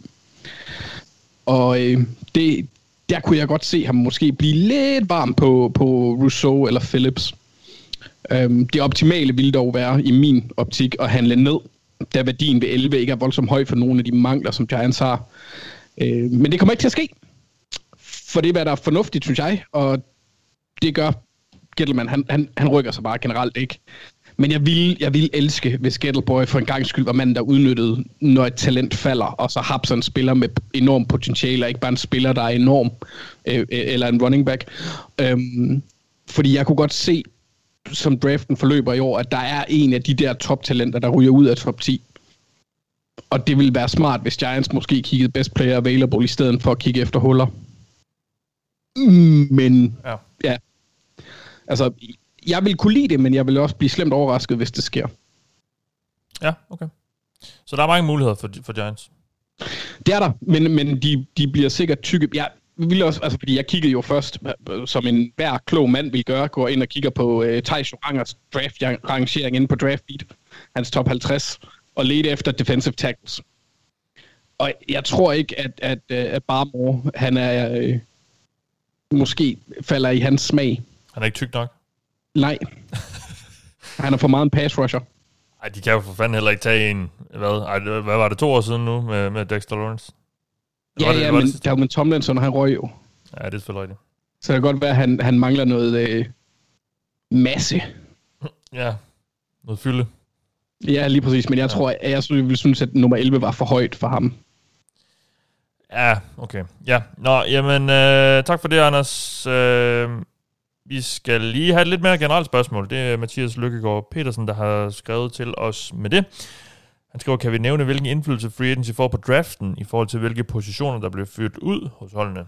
Er der nogle positionsgrupper, der bliver vurderet som mindre værd i draften, fordi man har kunne finde gode spillere i free agency, eller fungerer det omvendt? Uh, Mark, vi har jo vi har jo tidligere i forbindelse med, i hvert fald inden for de sidste par programmer, i forbindelse med free agency, snakket om, at det var jo påfaldende, hvor, hvor, øh, hvor langsomt øh, receivermarkedet var i free agency, og det kunne jo så have, og det så vi også lidt sidste år, og det kunne så have noget at gøre med, at der er rigtig mange gode receiver i draften, eller forventes i hvert fald at være det. Øh, men hvor, øh, hvordan ser du på det her? Altså, kan, kan du se nogle, nogle tendenser i, hvad holdene har gået efter i free agency, i forhold til, hvad der måske kunne være tilgængeligt i draften, eller omvendt? Ja, altså nu forstår jeg det her som sådan et meget generelt spørgsmål, sådan generelt mellem free agency versus draft, eller hvad man skal sige. At ja. Jeg synes, det er svært, jeg synes, det er svært at sige, at der eksisterer nogle, nogle regler, som er sådan slået fast i sten, at sådan er det, men, men jeg vil sige som udgangspunkt, som i forhold til, hvordan spørgsmålet bliver stillet, er det lidt omvendt. Altså forstået på den måde, at jeg, jeg tror mere på, spillers kontrakter i free agency kan risikere at blive noget lavere et år, hvis de rammer et free agency et år, hvor der er en dyb plads på netop deres position. Øhm, og det gælder selvfølgelig ikke superstjerner, altså de vil altid have et marked, ja. øh, så, så, så, så dem, dem skal man altid tage ud af ligningen øh, generelt. De, de er på deres eget niveau. Øh, men altså, hvad angår øh, forskellen på at lukke huller enten i draften eller gennem free agency, så er det jo to vidt forskellige situationer, og du, det er jo så basalt set, at du skal have råd til at handle i free agency, og det vil der være nogle hold, som ikke har, øh, og samtidig så er der så til også en større chance for, at du, at du får præcis hvad kan man sige, det du betaler for, det er jo lidt et større lotteri i, i, i draften. Øhm, men altså, jeg synes jo, Thijs beskrev det meget godt, altså sådan det der med, at, at, at free agency primært bliver brugt til at lukke uh, huller, og draften er til at bygge fundament igennem. Ja. Øh, og øh, og, og det, det gør jo på en eller anden måde, at nogle positioner altid vil have en rolle i, i, i draften, øh, fordi at, at, at de er fundamentskabende, eller hvad man skal sige. Øh, og for mig er, kan jeg sige, free agency for mig er et redskab, øh, som er ideelt for hold, der... Øh, hvad kan man sige, har det meste på plads, som vi så med Box, øh, til at lokke flere til, eller et hold, som måske er på vej frem, har rigtig meget cap og, og mangler nogle, nogle, hvad kan man sige, nogle kulturskaber og nogle, nogle veteraner, som, som de kan bruge som, som fundament på den måde. Og ikke et ungt fundament, men måske et lidt ældre fundament til at, at netop guide deres, øh, deres spillere.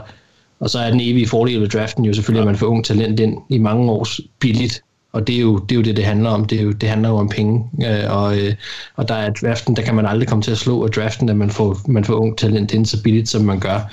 Ja. Øh, men altså, jeg, jeg vil jo umiddelbart sige, at, at i forhold til, hvordan spørgsmålet bliver, bliver stillet, at, at, at, at free agents kan risikere, øh, nu snakker vi ikke superstjerner, man kan risikere at, at blive ramt øh, hårdere, fordi at, at man så hellere tænker, hvis wide receiver-klassen er rigtig dyb, jamen øh, så, så vil jeg hellere tage en chance på en, en ung wide receiver øh, med høj upside, end en, øh, en wide receiver, som jeg kender fra NFL, som jeg synes skal have for meget i forhold til. Øhm, og det tror jeg også, at sådan mange klubber tænker. Mm. Ja. Stefan Dix Jefferson, teorien. Ja, den blev jo ja, virkelig sat på spidsen der, kan man sige. Ja. ja. Ja, og, det er også, og dermed fungerer det så lidt omvendt af det, øh, Mathias skriver, som han jo så også lægger op til, øh, begge muligheder, øh, med at ja, free agency kan godt blive påvirket af draften, øh, eller positionsgruppe af free agency kan godt være påvirket af draften, hvordan den, øh, hvordan den er sat sammen i forhold til, hvilke spillere, der er, der er tilgængelige. Um, nå, så lad os lige snakke om Patriots, det skal vi jo altid gøre. uh, det skal vi ikke, men det er der jo meget interesse for. Det skal vi ikke, Mathias. Vi kan bare stoppe nu. Ja, det kunne vi godt. Men Mads Samer har skrevet, øh, spurgt os, øh, skrevet sådan et fint spørgsmål til os. Og der er jo, øh, må vi jo bare sige, en masse interesse for New England Patriots i NFL Danmark. Uh, Mads, han skriver, skal, Patrick, skal Patriots ikke satse og gå all in på at tage en ung quarterback? Er det ikke bedre at forsøge i år, hvor der kommer flere gode quarterbacks ud af draften? Fremtidens mand skal jo findes på et tidspunkt, så hvorfor ikke forsøge allerede nu? Thijs, hvad, hvad tænker du? du? Du har jo været lidt fortæller for det her. Jo, jo, det synes jeg. Ja. Jeg synes, at øh, de har været så aggressive og samlet et roster, som kun giver mening på kort sigt. Og hvis du skal give mening på kort sigt, så skal du have, ja, ikke, ikke kun give mening på kort sigt som sådan, men, men de, har, de har været så aggressive, og at de vil, de vil ud og lave noget rabage i de kommende år. Og, og jeg synes bare ikke, Cam Newton virker som den quarterback, der gør det. Øh, fordi øh, hans niveau, altså han, jeg synes ikke, der var perioder sidste år, som var okay, men jeg tror ikke, det er ham, der fører dem tæt på den Super Bowl overhovedet. Mm. Så jeg, jeg synes jo meget hellere, at de skal gå ud og hente en quarterback. En ung, ung quarterback, eller selvfølgelig trade til et eller andet, hvis de kan det. Men, men en ung quarterback vil give mening, og så sætte ham ind på det her øh, rimelig gode roster med en rimelig god offensiv linje med nogle nye, øh, nogle nye spændende våben og, og et forsvar, som er coachet af Bill Belichick. Øh, så skal du nok få en rookie quarterback, som har fine forhold. Så jeg synes jo, de... Øh, jeg synes, de skal være aggressive. Altså, det, jeg synes, det er det eneste, der giver mening, fordi det giver ikke mening på den måde i free agency at være super aggressiv og give en masse store kontrakter ud, for at så sætte Cam Newton til at være din quarterback. Øhm, uden andre øh, som fremtidsperspektiver. Det synes jeg i hvert fald ikke giver mening. Øh, så jeg synes jo, de, jeg synes klart, deres ageren i free agency mest giver mening, hvis de går ud og, og prøver at finde noget i draften. Øh, så jeg synes jo, de skal øh, gøre alt, hvad de kan for at prøve at trade op når de, nu har de 15. valget. Og det problemet er selvfølgelig, at nu sidder jeg og siger, at de skal trade op, og så er det Mac Jones, der er muligheden som femte valg, og ham kan jeg ikke lide, så det er sådan også lidt dobbeltmoralsk, ikke? Men altså, øhm, jeg synes jo, de ja. bør gøre noget på quarterback, i hvert fald i draften. Ja. Tror, du, og, tror du, det er realistisk, at de gør det, og hvis ja, hvor højt skal de så op? Men altså reelt set burde de jo hoppe op i top 4, men øh, det er jo ikke realistisk, tror jeg. Øhm, så som sagt, jeg, jeg har udset mig det der øh, syvende valg, som mm. Lions har, som stedet et hold, som for eksempel Patriots, kunne hoppe op og tage den der femte quarterback, eller fjerde quarterback, fordi der er vel, der er vel et scenarie, hvor der går tre quarterbacks, så siger Falcons, ved du hvad, jeg vil have Kyle Pitts, og så siger Bengals, vi tager til bare Chase, og så sidder Dolphins og siger, hmm, der var til Smith. Og så øh, er, er der lige pludselig en quarterback, øh, mm mere ved syvende valget. Øh, fordi der er jo ikke nogen, der, der, er ikke nogen, der garanterer, at Falcons tager en quarterback. Det, det vil være det klart mest fornuftige, eller trade-valget. Men, men, men jeg tror, hvis, hvis Falcons ikke tager en quarterback, så tror jeg, at telefonen i Cincinnati godt kan blive øh, rødglødende. Fordi så begynder, der at være, så begynder der at gå noget panik i den, og så tror jeg, det bliver et race om at komme op og tage den der plads. Så, er det så uheldigt, at øh, de tosser, der sidder i Cincinnati, som regel er ret dårlige til at trade, så de ender sikkert med øh, at sige nej, eller blive stadig, eller ikke få nok ud af det. Men, men det, der tror jeg, hvis Falcons Altså, den, den starter lidt der, draft. selvfølgelig starter den jo der draften, fordi nu ved vi nærmest lidt, hvad der sker i de første tre valg. Men hvis de ikke tager en mhm. quarterback, så, så kunne det godt være rigtig sjovt at have de der 5., 6., 7. valg. Jamen, jeg er enig, øh, og der, der tror jeg, du har ret i, at Bengals er for stedige. De vil have, de vil have et eller andet top-talent. Altså, de vil have Chase, eller ja, de vil have Pitts. Det mangler der de også have... på det hold. Ja, ja, det, det gør det da. uh, Man kan selvfølgelig sige, at, at hvis man trader ned til 8, og, og for eksempel med Panthers, så kan man sige, så er der jo en god chance for, at man får noget af det alligevel. Ikke?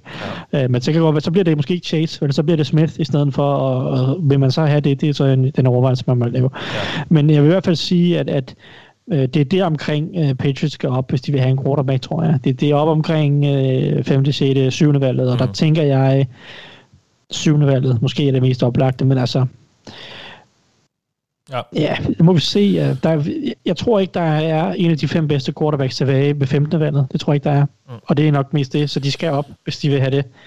Øh, Og det synes jeg jo, de burde, så, øh, så det er nok svaret på spørgsmålene. Yes, godt. Lad os lige uh, tage et par hurtige her, faktisk, fordi jeg havde faktisk uh, noteret et par stykker, jeg lige vil have med, som jeg af en eller anden grund ikke lige har sat ind i det her, øh, det her dokument, vi arbejder i. Uh, Christian Christensen skrev til os, uh, hvad, vurderede I, hvad vurderer I er mest sandsynligt, at Bears, at Bears tilføjer en quarterback i draften, eller trader sig til en?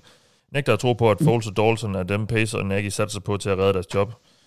Ja, det er jo ret interessant det her, fordi de er jo ikke rigtig i en position til at, at, at, at, at, at være i stand til at tage en af de her top quarterbacks i hvert fald. Øh, så jeg ved ikke, Mark, du, du, er, du er vores NFC Nord øh, ekspert.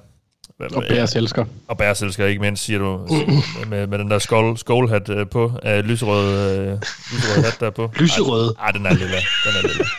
Den er lille. Hvordan har Vikings uniformer set ud for dig her de sidste øh, mange år? Åh, det er perfekt. De er ikke så Er det bare uh, Cruise the Cats Week every week, eller hvad skal Ja, der? ja, okay. Nå, men hvad tror vi er mest sandsynligt, hvis vi lige skal, skal prøve at give Bare Christian... de lyserøde fra nu af, sådan er det bare. Stop. Ja, Det der. det er da noget i den... Altså, det er sgu da ikke helt ved siden af. Nå, øh, drafter de eller trader sig til en? Øh, jamen, om de drafter den, det, det tror jeg ikke. Altså, prøv at, øh, deres job, det stod og faldt med, kunne de få Russell Wilson til, til byen? Altså, det virker som om, de har sat øh, alt på et bræt. Selvfølgelig skal man også gøre det, hvis de tror, der er en chance. Øh, det var der ikke. Så blev det Andy Dalton. Større antiklimaks kan man vel ikke rigtig finde. Øh, jeg, jeg, jeg ser dem ikke være i position til at, at, at kunne gøre det, det må jeg indrømme. Mm. Øh, de er lidt låst, synes jeg. Øh, Så, så selvom at, øh, at, at jeg vil give spørgeren ret i, at, øh, at det nok ikke er de to, man vil have til at redde sit job, så, så må jeg indrømme, så tror jeg, at det, det er sådan, det ender. Øh, Jeg har svært ved at se dem virkelig i, i et seriøst scenarie gå op og, og, blande sig, fordi der kommer til at være så meget kamp om det, og hvad skal de skyde med ammunition? Øh, Det, ja. det har jeg svært ved at se. Ja. Peter Skroman, han skriver til os, hvor ender, og det er så de to tidligere Chiefs tackles, Mitchell Schwartz og Eric Fisher, og hvad den primære også til, at de ikke har fundet et hold endnu? Øh, med Schwartz tror jeg, det er fordi, der, der går lidt øh, rygter om, at han måske overvejer at stoppe karrieren, simpelthen. Øh, så det tror jeg er den primære årsag til ham. Fischer tror jeg, han er sådan landet måske lidt et sted mellem, og vil have flere penge end holdene lige nu, i den her del af free agency, har lyst til at bruge på en tackle, som de måske er lidt i tvivl om. Og så at nu er vi også igen nået til den del af free agency, hvor holdene har ligesom har fået det, de som udgangspunkt gerne vil have. Så ser de, hvad de får i draften, og så kunne han måske finde hold derefter, som ikke har fået det, de, de lige gik efter draften. Lød det ikke? Så er han jo øh, skadet, ikke? Fischer? Ja, Ja, selvfølgelig. Ja. ja, han har, var det ham, der med akillescenen? Ja, jeg var ind over. Ja, og det er selvfølgelig Og også øh, et rimelig stort Mitch. Schwartz er jo også blevet opereret i ryggen. Øhm, Ja, præcis. efter sæsonen. Han håbede på at komme tilbage til Super Bowl. Det lykkedes aldrig. Så blev han opereret bagefter. Jeg tror, Fischer han er sådan en af dem der, der finder et hold efter draften, og et hold lige måske ikke synes, de, de fandt det, de gerne vil have. Øhm, nå, lad os lige tage det sidste. Sigurd Lorentzen, han skriver, har Chris Ballard misset en masse upgrades ved at vente for længe på situationstegn, den gode handel, eller kan det være, eller kan det at vente på så, øh, kan det at vente på den ende med at være det rigtige at gøre? Øh, Thijs, du har jo været lidt øh, spids øh, angående Coles. Deres ageren. Ja, jeg var lidt hård. Øh. Spids selvfølgelig kan det godt være det rigtige. Det kan godt være, det er det rigtige at vente. Det kan, det kan godt være, det viser sig, at Colts de har et øh, uh, super stærkt roster, som uh, kan vinde den division og udfordre AFC uh, øh, i toppen næste år. Men uh, jeg synes jo stadig, at de burde have hentet et, et stort navn eller to. Jeg synes, det havde pyntet med... Altså Colts har de sidste to-tre år været den der uh, boldgade, hvor at de har haft rigtig mange solide spillere, men har manglet de der topprofiler, altså topstjernerne. Øh, altså, de har jo selvfølgelig hentet Buckner ind, og de har Quentin Nelson og de der typer, men, men hvor er de der, og Darius Leonard er også en, en rigtig god spiller, men jeg har nogle gange savnet lidt den der kæmpe playmaker, det gælder sådan set både på angrebet, på wide receiver, øh, eller øh, på forsvaret, en, en, en eller anden boldhawk måske, eller den her edge rusher, der laver 15 sacks i en sæson, øh, fordi med al ære respekt for Buckner, som er en fremragende fodboldspiller, øh, så er han jo ikke en mand, der overtager kampe øh, i samme grad, som en edge rusher kan. Altså, det er kun Aaron Donald, der kan overtage en kamp kamp fra defensive tackle-positionen. Øhm, så øh, det er det, jeg har savnet, det var det, jeg sagde, kan vi ikke gå ud og finde en eller anden stor profil på Edge mm. eller et eller andet, øh, og det, det valgte de ikke at gøre. Det kan godt være, at det viser sig, at det er det rigtige på lang sigt. Jeg savner det stadig. Ah, vi kan lige tage en med, så, Anders. Øh, Jeppe Persson skriver, giver det mening for Browns at hente Clowney ind på for eksempel en 8 millioners kontrakt? Skal man bare fokusere på draften, eller begge dele? Med skader, med skader til de forkerte kan det hurtigt se tyndt ud. Og jeg går ud så, for han henviser til edge-positionen der. Altså Clowney, det er, en, det er en vild historie med Clowney, synes jeg. Øh, yeah. Både helt tilbage fra draften og til nu. Øh, men han vil jo, jeg tror, han vil måske nok have mere end de der 8 mil. Øh, han har jo været på besøg i Browns, men tog så afsted uden øh, en kontrakt i hånden. Jeg tror ikke, han får mere, hvis jeg skal være helt ærlig. Han har, han har simpelthen været for skadet. Altså, du, du betaler ikke en edge rusher 8 millioner om året, eller mere end 8 millioner om året, for at have en god kamp, hvilket han Nej. nok vil have. Øhm, og det er jo ikke, altså, han vil jo tilføje noget til Browns, som de kommer til at mangle, fordi de har sagt farvel til Olivia Vernon. Mm. Øhm, og han, han, han går, hvis han er skadesfri, så han, han er ikke den der primære, han er ikke Miles Garrett, der får en masse sex, men han kan godt ødelægge spil, og han, han kan godt skabe noget, og han er god mod løbet. Hvilket jo er fremragende. Prøv at forestille dig de to store mænd på hver sin side, når de møder Ravens. Ja. Altså, så bliver det lidt svært at nå, nå outside, øh, eller nå på siden, uanset hvad man gør. Men, men jo, de kan godt vinde noget mere. Hvis de signer ham for mere end 8 millioner, så skal de skydes i ansigtet med en øh, sæk kartofler og en øh, gut, der hedder Lars modtaget, og den slutter vi så bare på, tænker jeg. Øh, vi er snart tilbage med noget draft-snak, og så vil jeg ikke love så meget mere, men det skal nok blive godt. Vi kommer til selvfølgelig at, at, at, at, at tage et kig på de mest spændende spillere i årets draft, både på, på, på begge sider af bolden. Så øh, I kommer til at høre fra os op til draften, og så laver vi selvfølgelig også vores traditionsrige mock draft. Vi kan glæde jer til, den kommer også i løbet af april. Øh, I denne omgang har du lyttet til mig, jeg hedder Mathias Sørensen, med mig har haft Thijs Joranger, Mark Skafte Våbengård og Anders Kaltoft. Vi lyttes med.